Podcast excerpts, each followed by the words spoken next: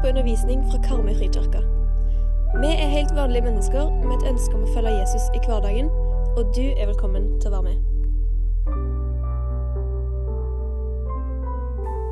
Men da leser jeg fra Guds ord. Andre Mosebok 34, 21. Seks dager skal du arbeide, men på den sjuende dagen skal du hvile. Selv om det er tid for pløying eller høsting, skal du hvile. Ordspråkene 19.2 og 21.5. Iver uten kunnskap er av det onde. Den som har hastverk, trår feil. Den flittiges planer gir alltid vinning, men hastverk fører bare til tap. Matteus 11, 28-30.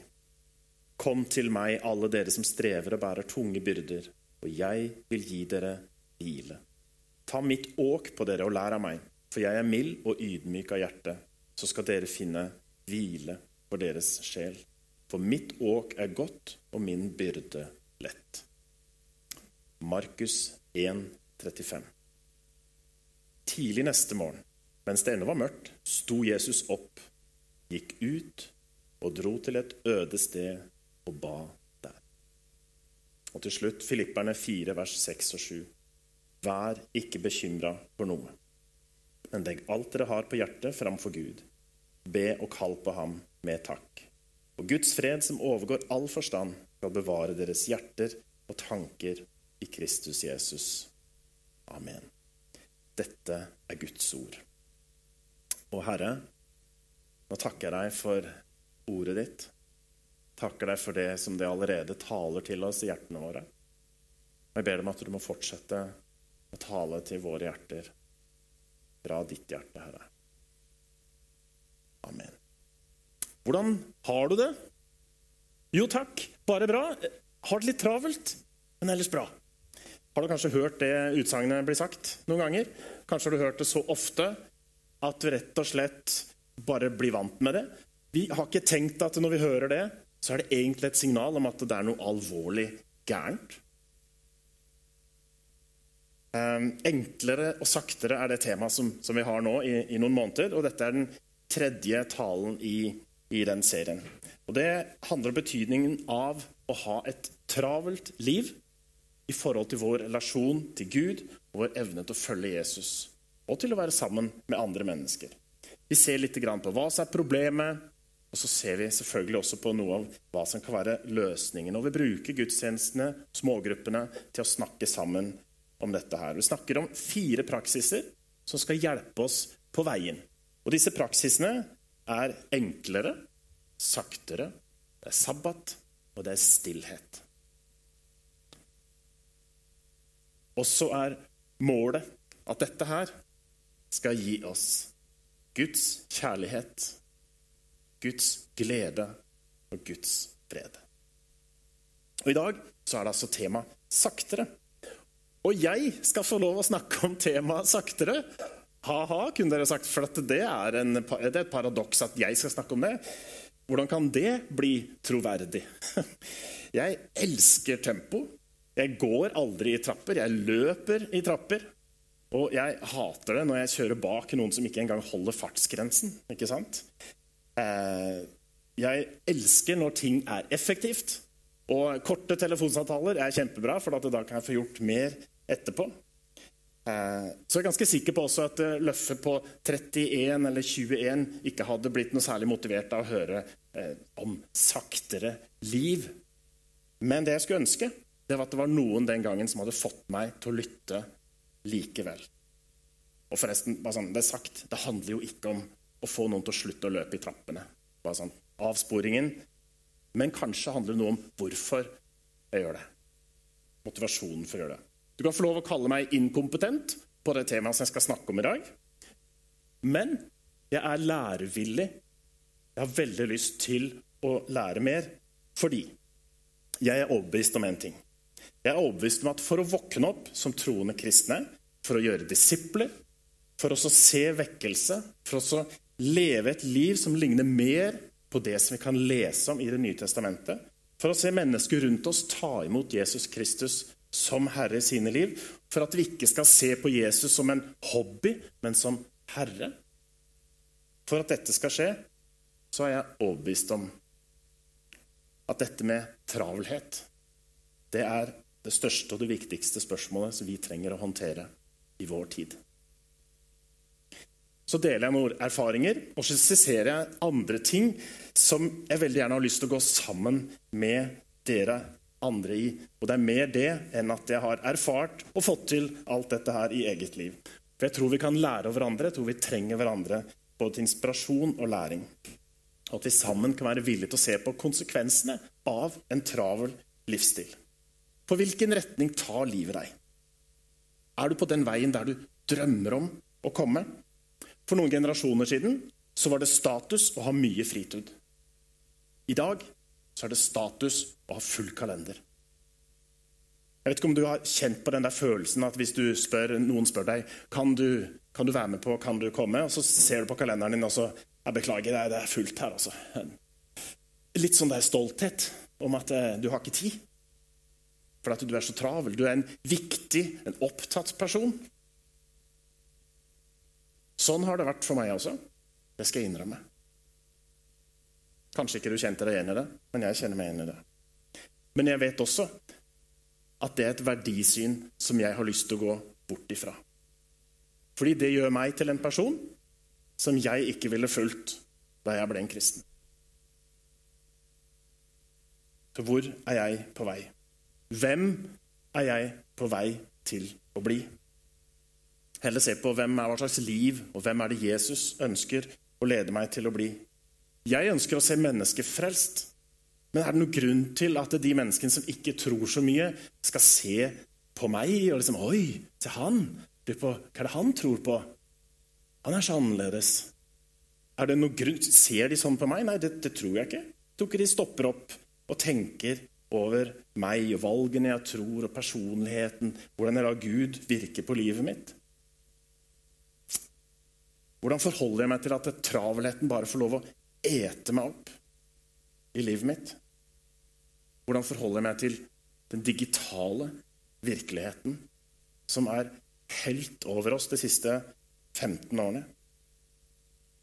Skal jeg bare fortsette å la meg få lov å bli sugd inn i et umettelig behov for dopaminer, som kanskje du vet hva er for noe? Det er det som liksom stimulerer oss. Farger, distraksjoner, sosiale medier, serier, meldinger. Være mer opptatt av de som ikke er i rommet, eller noe som ikke er i rommet, enn de vi faktisk er fysisk til stede sammen med. Er det der jeg ønsker å komme? Nei, selvfølgelig, jeg gjør ikke det. Og jeg tror kanskje dette kan gjelde noen av dere også.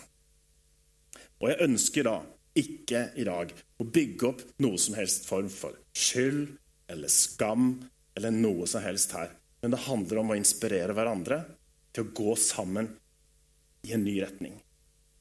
Det er refleksjon og selvinnsikt som tar oss dit. For hva med de viktige tingene i livet? De som jeg savner å ha tid til? Stillhet. Hvordan er det med det? Takler jeg i det hele tatt å være stille, eller bare surrer det rundt når jeg lukker øynene for å kjenne på stillheten? Hva med kjærlighet, glede og fred og livet i Kristus? Hvordan står det til med det? Hvordan oppleves jeg som person? Jo, jeg tror jeg oppleves som en travel person, ofte en ukjærlig, en med stappfull kalender, hvor livet mitt er langt unna Salme 23. Han lar meg ligge i grønne henger. Han leder meg til vann der jeg finner hvil. Der er jeg av og til. Men jeg har lyst til å leve der, jeg. For det tror jeg er mulig. Jeg har en livsvisjon, og det er å gå med Jesus sånn at jeg virkelig begynner å ligne han. Og så vet både vet jo han, kona mi, og jeg meg sjøl og andre som kjenner meg, at det er et godt stykke igjen dit. da. For det er mye nåde igjen også, heldigvis, og takk, Jesus, for det. Og så tror jeg det at om han kommer igjen i dag, eller om jeg blir tatt opp til han i dag, så tror jeg likevel at jeg har saken i orden med han. For dette her handler ikke om å prøve oss å liksom få oss til å være enda tryggere på å komme til himmelen. Overhodet ikke. Det handler om en lengsel etter å leve et liv nærmere Jesus og ta imot det som han har å gi. Derfor har jeg bestemt meg for å nekte å godta at det bare blei sånn. nekte å godta at jeg bare er sånn, eller at jeg ikke fikk tid. Det er et uttrykk forresten som jeg ikke tror noe på. Det tar tid. Jeg får ikke tid. Ingen av oss gjør det. Jeg tror det finnes en bedre vei. Det er den veien som Jesus leder oss inn i. Å følge Han. Å følge Han, det betyr å være sammen med Han, bli som Han og gjøre det som Han hadde gjort hvis Han var meg i 2022. Og det går rett og slett ikke opp hvis jeg fortsetter å leve sånn som jeg gjorde, har gjort før. Så jeg trenger å våkne. Jeg tror vi trenger å våkne og se hvilken verden vi lever i. For den er veldig annerledes enn den vi hadde bare for noen få år siden. Det er 15 år siden iPhone kom på markedet. Hva har skjedd med livene våre siden den gang? Dette her er kanskje i overkant for noen noe av det som jeg snakker om i dag. Eh, kanskje noen kommer til å bli litt provosert, all, allerede provosert.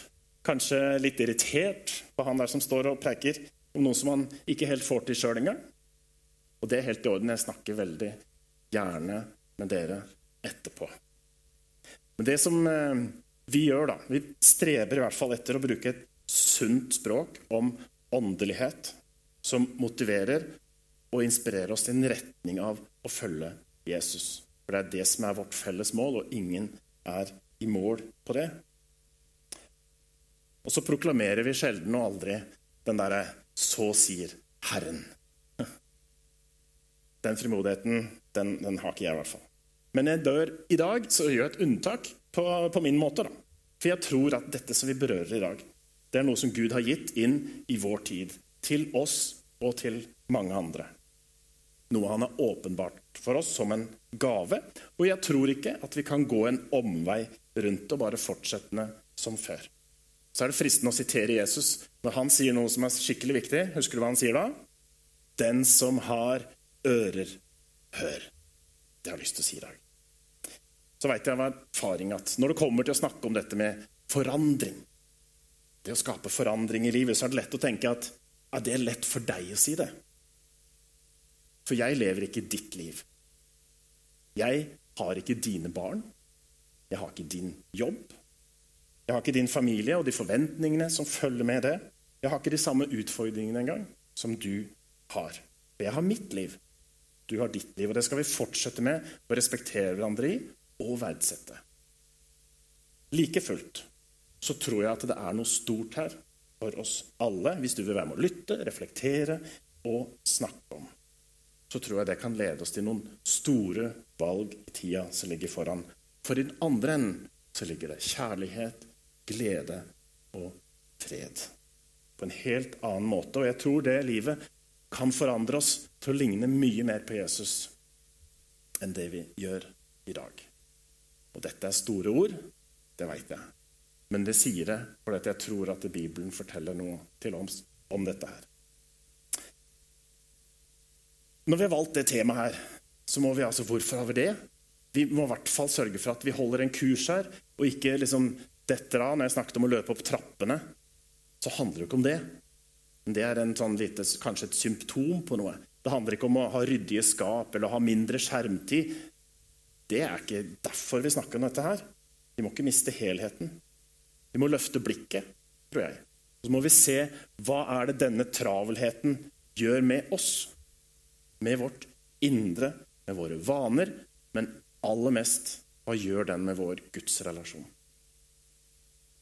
Hvordan kan vi være et folk som hører Gud? For Gud snakker jo.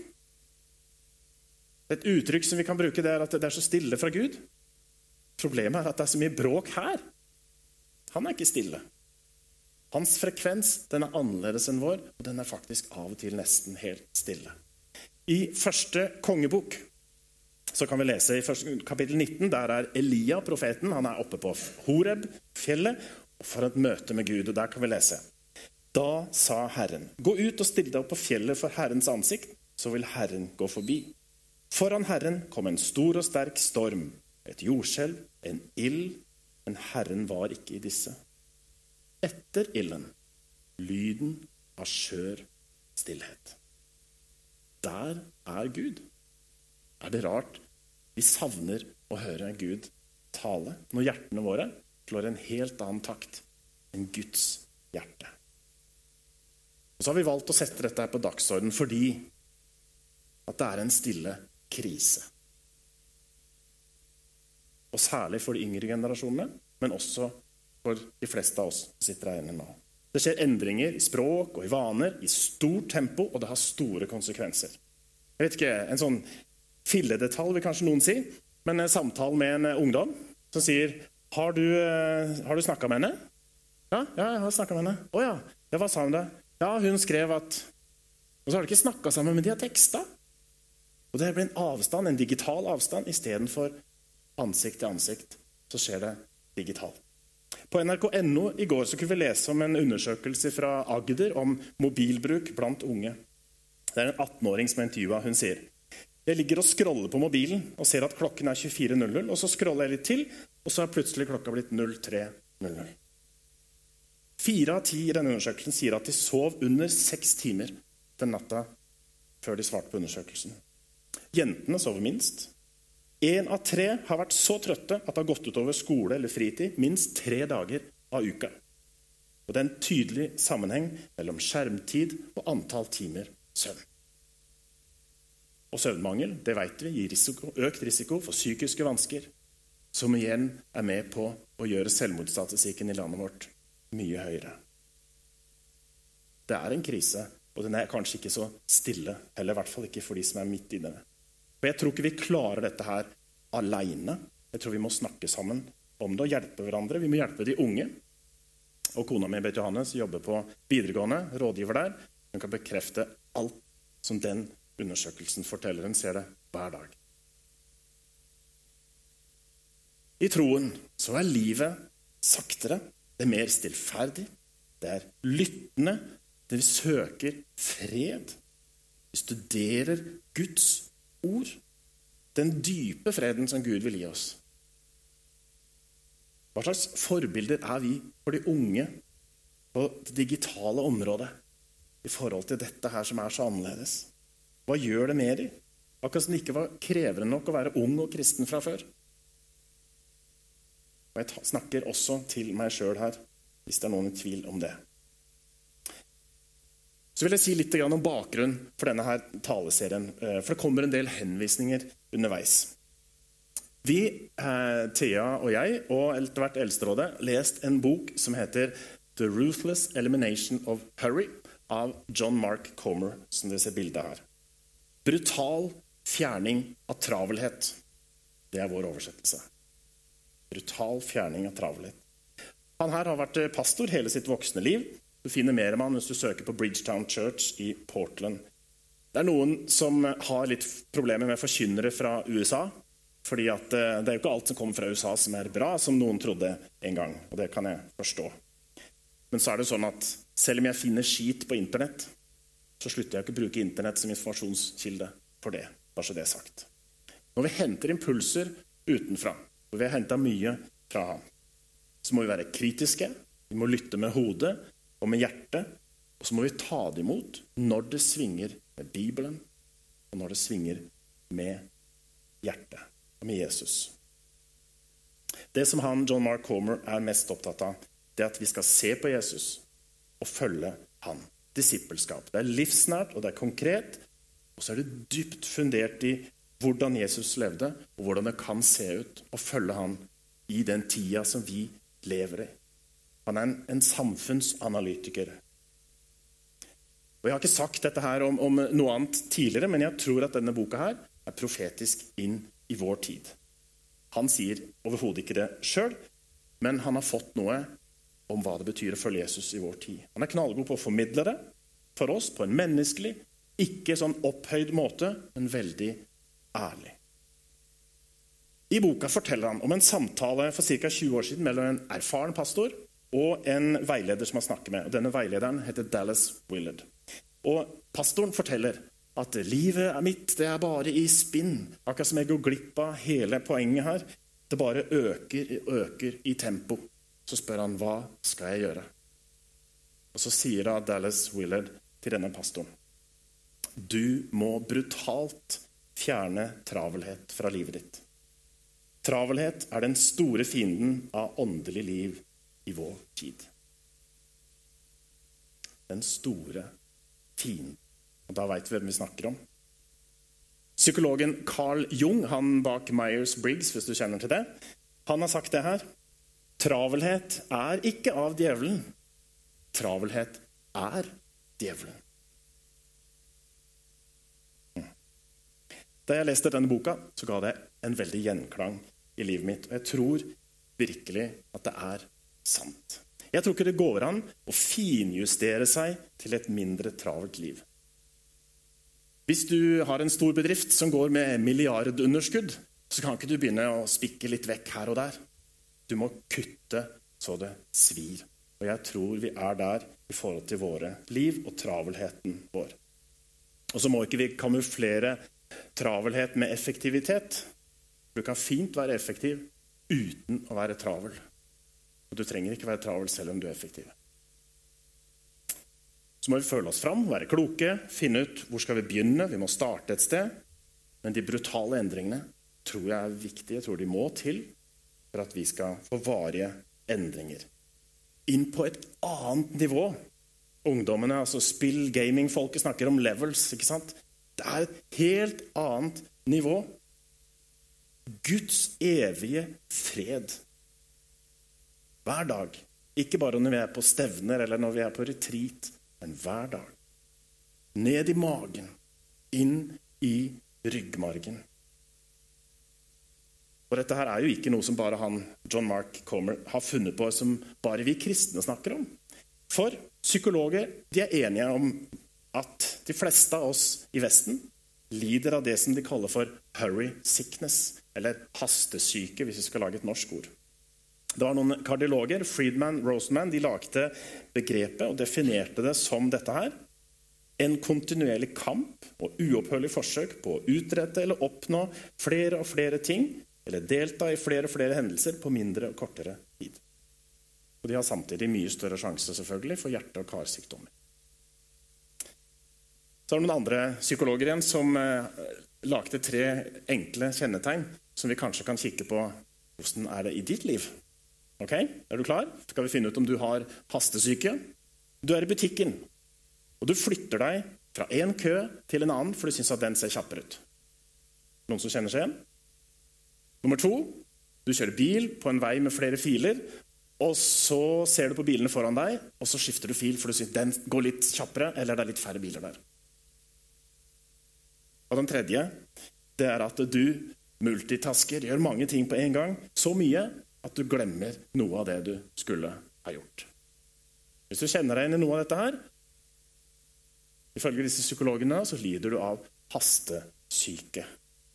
Og helt ærlig, hvem av oss er det som ikke passer inn der? Jeg kan snakke med deg etterpå. Psykologene kaller det en vestlig sykdom, for det er Vesten dette her preger mest. I det heftet som du fikk, så ser du en annen liste av flere symptomer som du kan eh, kose deg med hjemme sammen med dine. Sjøl kjenner jeg det selvfølgelig kjempegodt igjen. Følelsen av å være på etterskudd, det å være til stede med en sånn konstant følelse av at det skulle vært et annet sted, eller at det er noe annet jeg heller skulle gjort. Da er Guds fred liksom et fremmed begrep. da.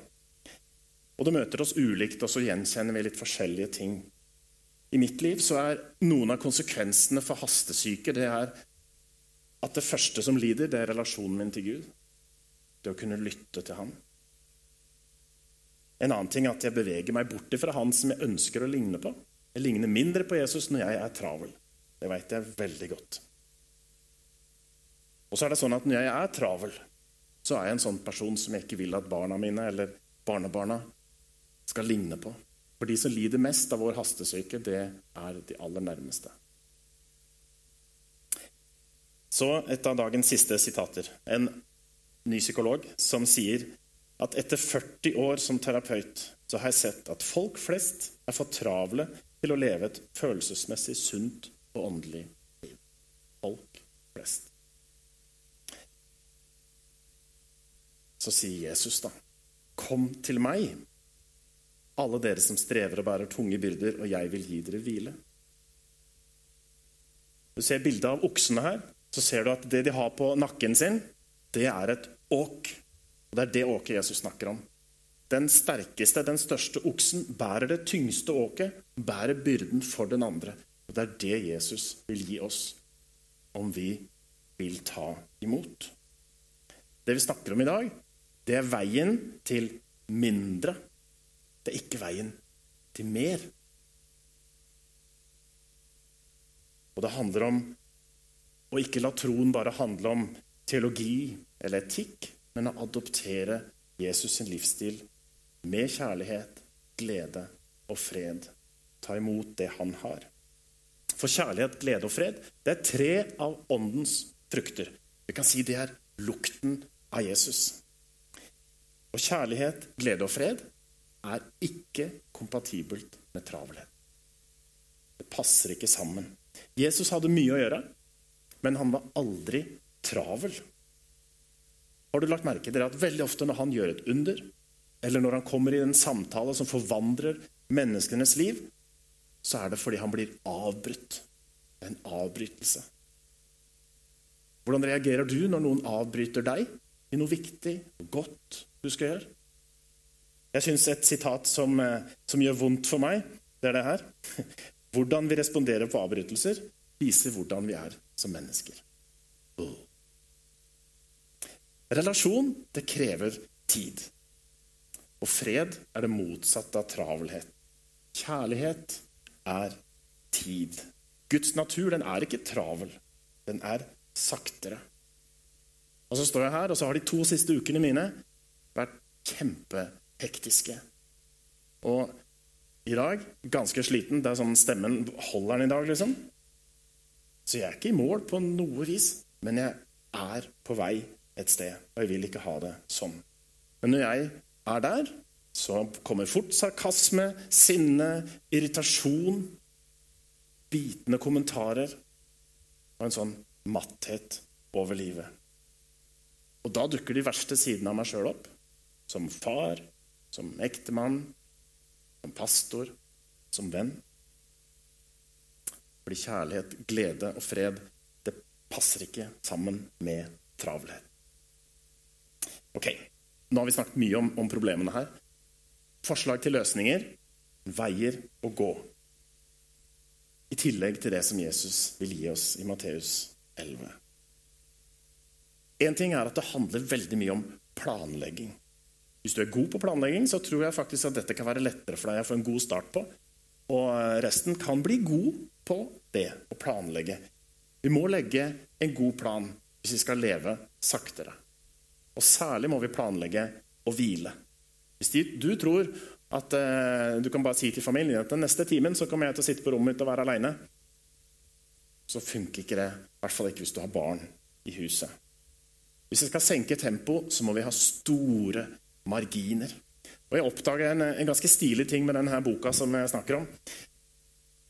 om. her om dagen, for det var en som fortalte til meg at inni der så er teksten rett og slett skrevet med sånne store Det er veldig mye luft. Det er store marger. Så det går kjapt å lese. Er, eh, du får en sånn mestringsfølelse når du leser den, selv om han er på engelsk. Men vi må planlegge med store marginer, for da tåler vi avbrytelser. Og planlegging må selvfølgelig synkroniseres med folka våre. Enten det er på jobben eller det er de vi bor sammen med. Det kommer mer om det når vi skal snakke om sabbat. En annen ting er det som vi kan kalle for åndelige praksiser.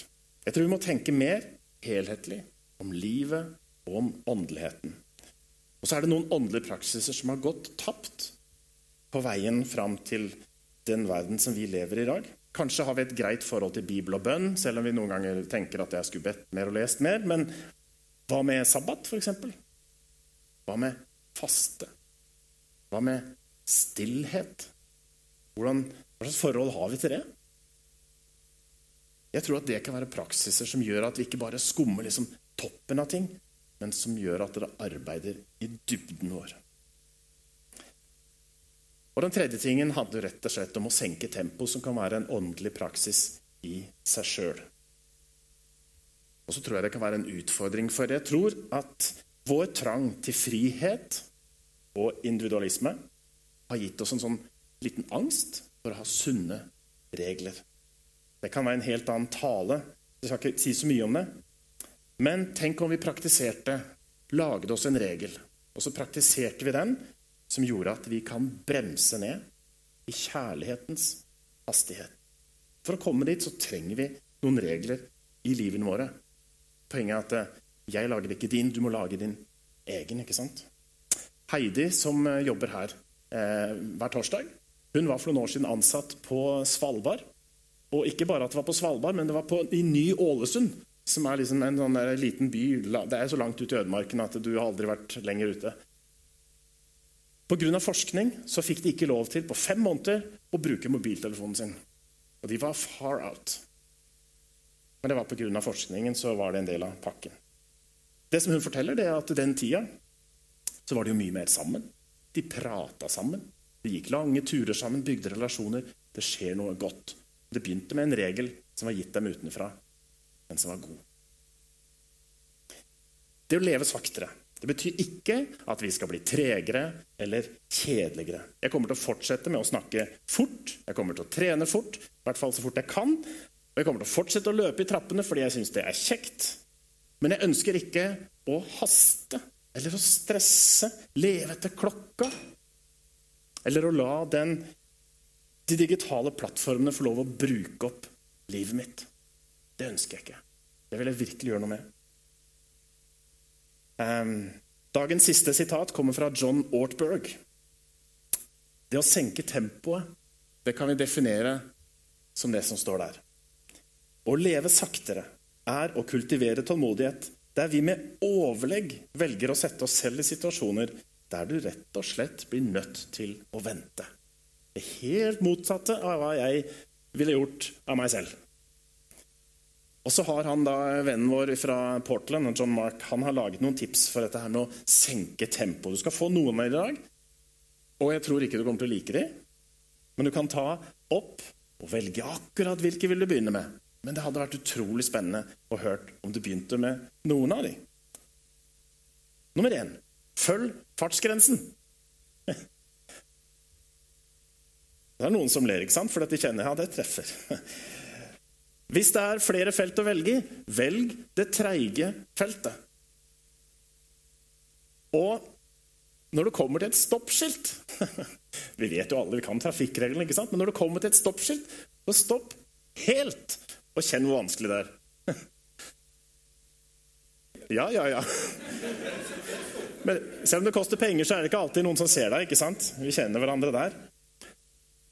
En gang du skal møte opp til en avtale, Møte opp ti minutter før og ikke ha mobilen med deg. Og selvfølgelig, hvis du er på butikken, prøv å velge den lengste køen en dag. Kan du utfordre deg litt. Og Så kommer det noen digitale tips her. og Det står mye mer om det i heftet. Men noen av de skal du få. Sett av egne tider for å lese e-post. Ikke la e-posten styre.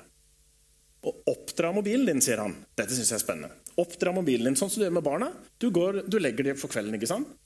Han forteller, jeg tror det var halv ni, så putter de mobilene sine i en skuff, setter de på flymodus, og der ligger de til han har hatt sin stilletid om morgenen neste dag. Wow. Det hadde gjort susen. Så er det et stykke fram, kanskje. sant? Også for meg. Lag deg en tidsgrense for sosiale medier, eller rett og slett kvitt deg med dem. Også noe av det som, som, han har inspirert meg til å begynne å gjøre. Lag Make your smartphone a dumb phone. Det blir bedre på engelsk enn på norsk. Men gjør den til en stumtelefon. Og hvordan du kan gjøre det, det kan du lese om i hefter. Jeg skal ikke ta alt det her nå. Det tar oss helt. Så sier han det siste. Eventuelt bare kvitt deg med hele mobilen. Se om det er mulig. Eventuelt skaff deg en sånn som det er hjertet rundt her. En sånn en som du bare kan snakke i og tekste med.